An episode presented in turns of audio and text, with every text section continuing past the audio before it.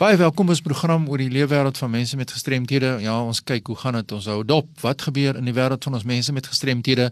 En wat gebeur is jaarliks hier in Augustus maand is daar 'n geleentheid by die geloofsgemeenskappe wat hulle noem gestremdheid Sondag of Disability Sunday en ek gesels nou met Erika de Tooi sy is van die Wes-Kaapse Vereniging vir persone met gestremthede oor hierdie baie belangrike saak Erika welkom by ons Baie dankie Fanie dis lekker om weer by julle te kuier. Wat is die gestremdheid Sondag se gewees en wat was die doel om te bereik daar? Ehm um, en dit gaan regtig daaroor dat die fokus by geloofsgemeenskappe ehm um, geplaas is om seker te maak dat dienste, hulle aktiwiteite toeganklik is vir persone met gestremthede. En dit dis kortom waaroor die dag gaan. As 'n mens nou kyk na in Suid-Afrika, ons is nou al hoeveel jaar in die demokrasie. Is dit nou regtig nog nodig om te praat veral nou oor die kerk en die behoefte na toeganklikheid van kerk en eredienste en geloofsgemeenskappe? Is, is dinge nie al reg daar nie na al die jare nie of wat is julle mening? As dit maar net so was. nee, weet jy van nie as as 'n mens praat van toeganklikheid ehm um, van persone met gestremthede. Dan is daar baie die fokus geplaas op die werkplek of vervoer, maar nooit regtig in nawerk aktiwiteite, sal ek maar sê. Ja. En alhoewel gestremdheid Sondag eintlik gemik is op Christelike kerke, is dit van toepassing op enige geloof, enige geloof se plek van aan aanbidding. En dit is nie iets wat die kerk regtig aan dink om te doen. Kyk baie kerke het mos ouerige mense en daar is mense met gehoorverlies, maar die kerk self, die die dominee, die die raadslede weet nie hoe om die kerkdiens toeganklik te maak. En dit is waaroor hierdie Sondag gaan om bewusmaking te skep rondom wat kerke kan doen en dit om die diens ehm um, toeganklik te maak dat mense met gestremthede kan welkom voel en deel van van dit wat daar aangaan.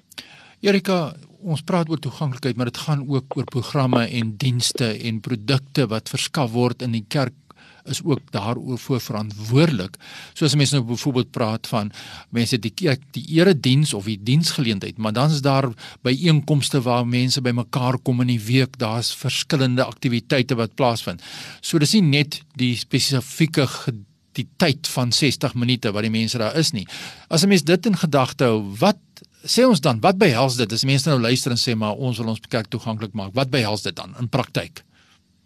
Dit dit is eintlik nie so moeilik nie. Baie kere as ons praat van toeganklikheid, soos jy weet, dan word die rolstoel as die alfa en omega, sal ek maar sê, maar dit is glad nie so nie. En dit is nie nodig dat 'n kerk homself herbou of ombou om toeganklik te wees. Daar is baie praktiese, baie eenvoudige maniere om vir persone met ander tipes ehm um, gestremdhede te akkommodeer.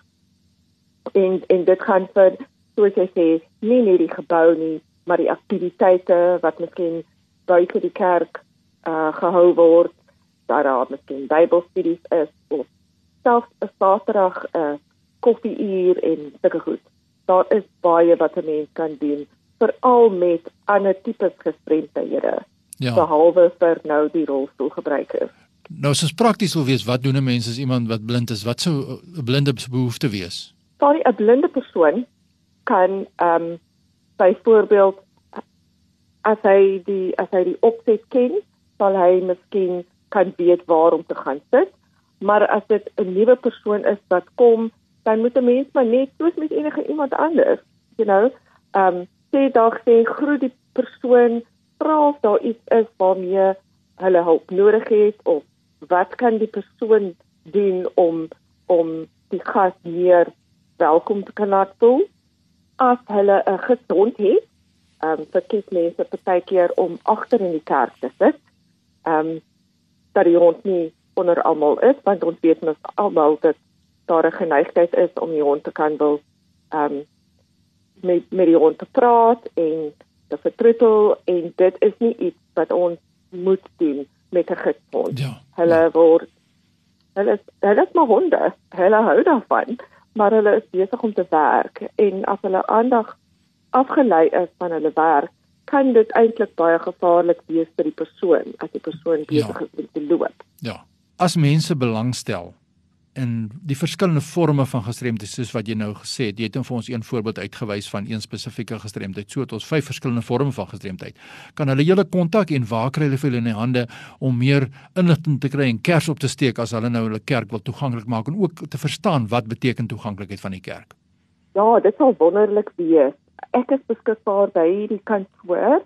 Die telefoonnommer is 021 355 2881 of hulle mense kan net op ons webtuiste gaan gaan soek vir al ons besonderhede en dit is by www.bcapd.org.za. Ek is bereid om inligting te gee, om praaitjies te kom doen, bietjie raad en advies ja. riglyne te gee enigiets. Ja, daar het ons dis die kontak besonderhede van Erika de Tooy van die Weskaapse Vereniging vir persone met gestremthede. Kom ons werk saam en ons maak ook ons geloofsgemeenskappe meer toeganklik vir alle mense met gestremthede.